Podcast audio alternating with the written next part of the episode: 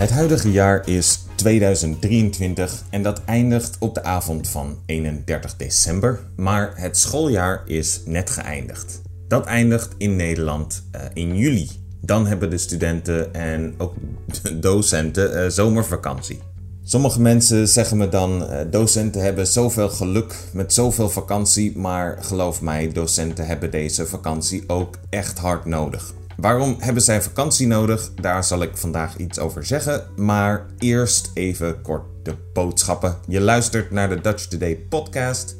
Ik ben Martijn, docent Nederlands. Uh, je kunt me ook op Instagram en op YouTube vinden. De links staan in de beschrijving. En als je een kleine donatie aan de podcast wilt doen, is dat altijd heel welkom. De links voor Buy Me a Coffee en PayPal staan ook in de beschrijving. En als je opmerkingen of tips of suggesties hebt, uh, stuur me een bericht via Instagram. Dat is ook altijd welkom.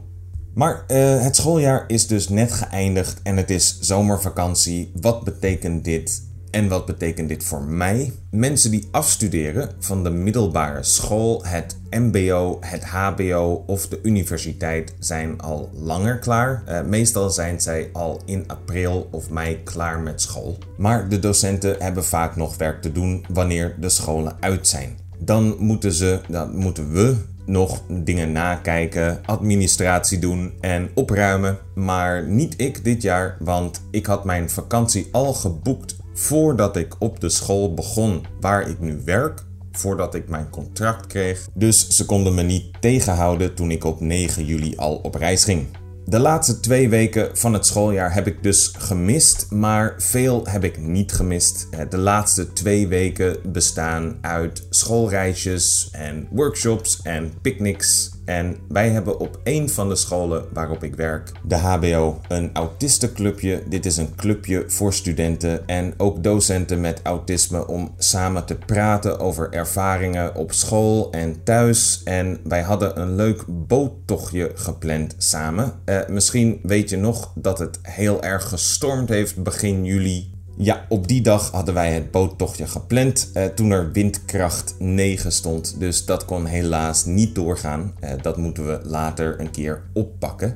Maar de scholen waarop ik werk zijn dus redelijk nieuw voor mij. Uh, ik ben dit jaar, ja, vorig schooljaar begonnen. Ik geef Engelse les op de HBO, op een businessopleiding aan Nederlandse studenten ik geef ook Nederlandse les op een MBO aan niet-Nederlandse studenten. En al deze studenten op de MBO zijn statushouders. Dat betekent dat ze officieel in Nederland mogen blijven, maar geen Nederlands paspoort hebben. De meeste studenten komen uit Syrië, Oekraïne en Eritrea, maar ook uit andere landen als Jemen en Palestina. En veel van deze studenten zijn heel gemotiveerd en uh, zijn daarom ook erg leuk om les aan te geven. Ze willen graag in Nederland wonen en werken en het is dus heel belangrijk voor ze dat ze de taal kunnen spreken. Het is op dit moment uh, wel soms lastig om de Oekraïense studenten te motiveren en dit is omdat deze studenten niet in Nederland willen zijn.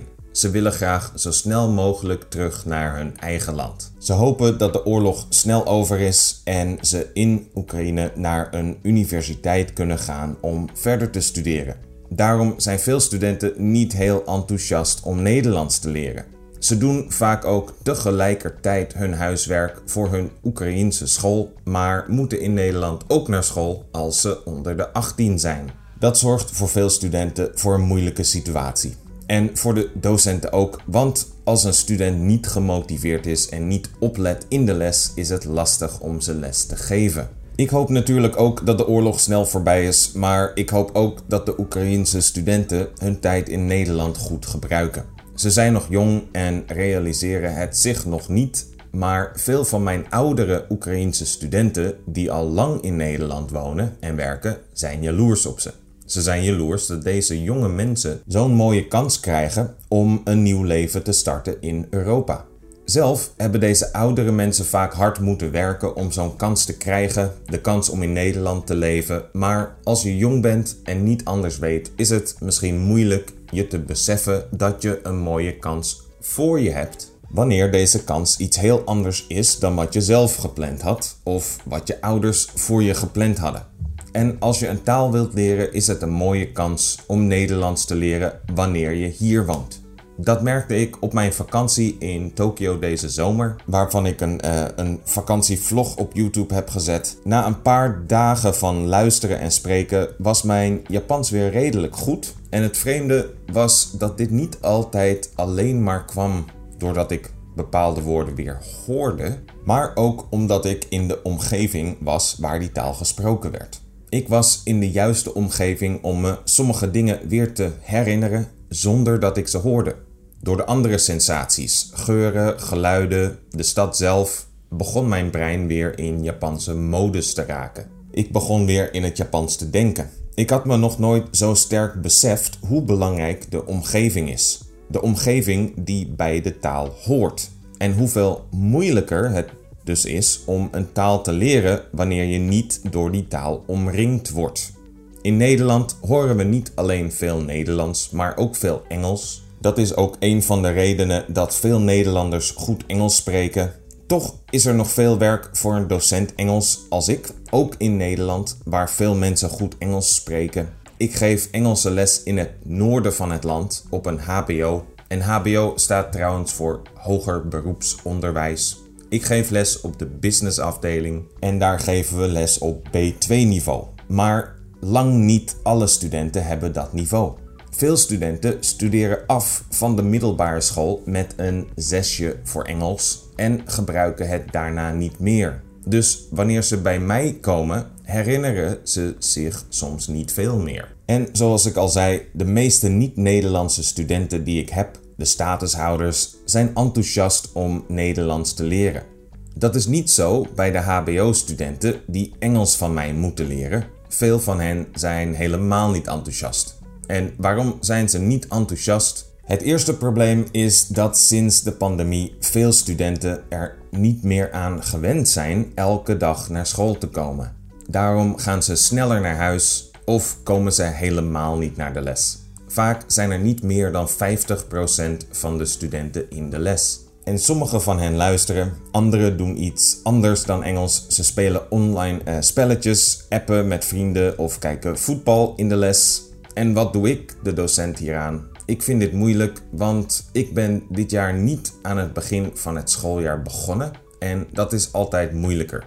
Wanneer je pas een paar maanden na de start van het schooljaar begint, kennen de studenten elkaar al en hebben ze banden gevormd die ze met jou niet hebben gevormd, want jij bent nieuw. En dan gaan veel studenten je uitproberen.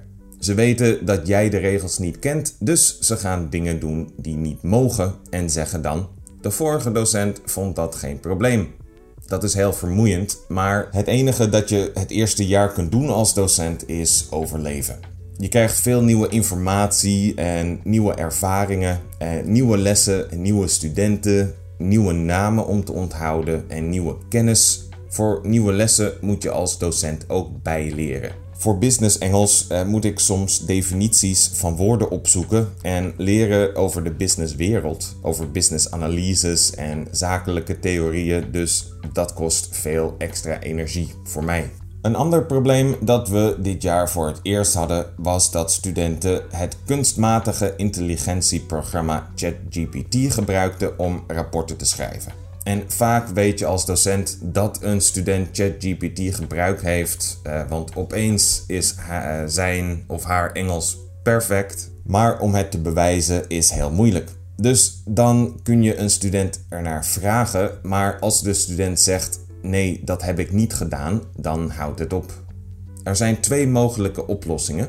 Nummer 1 is dat er een programma ontwikkeld wordt waarmee je kunt zien of iets met ChatGPT geschreven is. En daar wordt aan gewerkt op dit moment, heb ik gehoord. De andere optie is studenten geen rapporten laten schrijven, maar alleen dingen laten doen als presentaties geven waarvoor ze geen app kunnen gebruiken. En misschien is dat ook niet erg, want als alle bedrijven in de toekomst kunstmatige intelligentie gaan gebruiken, is het misschien belangrijker dat studenten die programma's goed leren gebruiken dan dat ze goede rapporten kunnen schrijven. En waarom zijn de Nederlandse studenten dan niet zo geïnteresseerd in Engelse les? Eh, de studenten zijn of al heel goed in Engels en denken niet dat ze les nodig hebben, Of ze spreken geen Engels omdat ze het nooit leuk vonden. Ik heb zelf heel snel Engels geleerd toen ik jong was, omdat ik heel erg geïnteresseerd was in films en muziek. Maar als, je, ja, als dat niet je interesses zijn, dan hoor je misschien ook veel minder Engels wanneer je jong bent. Dan spreek je wel wat basis-Engels, maar meer niet. En als je ook geen interesse hebt in internationale business en alleen in Nederland wil werken, dan ben je blij met een zesje, ook op het HBO, waar het niveau wat hoger hoort te zijn. In Nederland praten we wel over de zesjescultuur. Dit is een cultuur waarin mensen blij zijn met het minimale en niet graag harder werken om betere resultaten te behalen. Voor mij persoonlijk is dit lastig te begrijpen, maar ik ben ook een beetje een workaholic en een perfectionist. Waarom voor een zesje gaan wanneer een tien ook mogelijk is? Uh, ik ben naast docent ook leercoach en ik steun studenten en ik heb ze gevraagd waarom een zesje genoeg voor ze is. Het antwoord is dan vaak dat ze denken dat een bepaald vak later niet nodig zal zijn voor ze, of dat ze niets aan een opdracht hebben die ze moeten maken. Dat ze er het nut niet van inzien. Maar je weet natuurlijk nooit waar je later iets aan gaat hebben.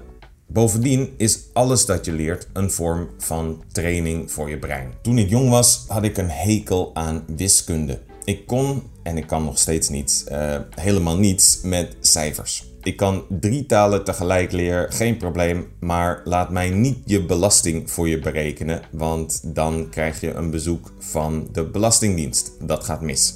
Ik begreep daarom niet waarom ik het op school moest studeren, wiskunde.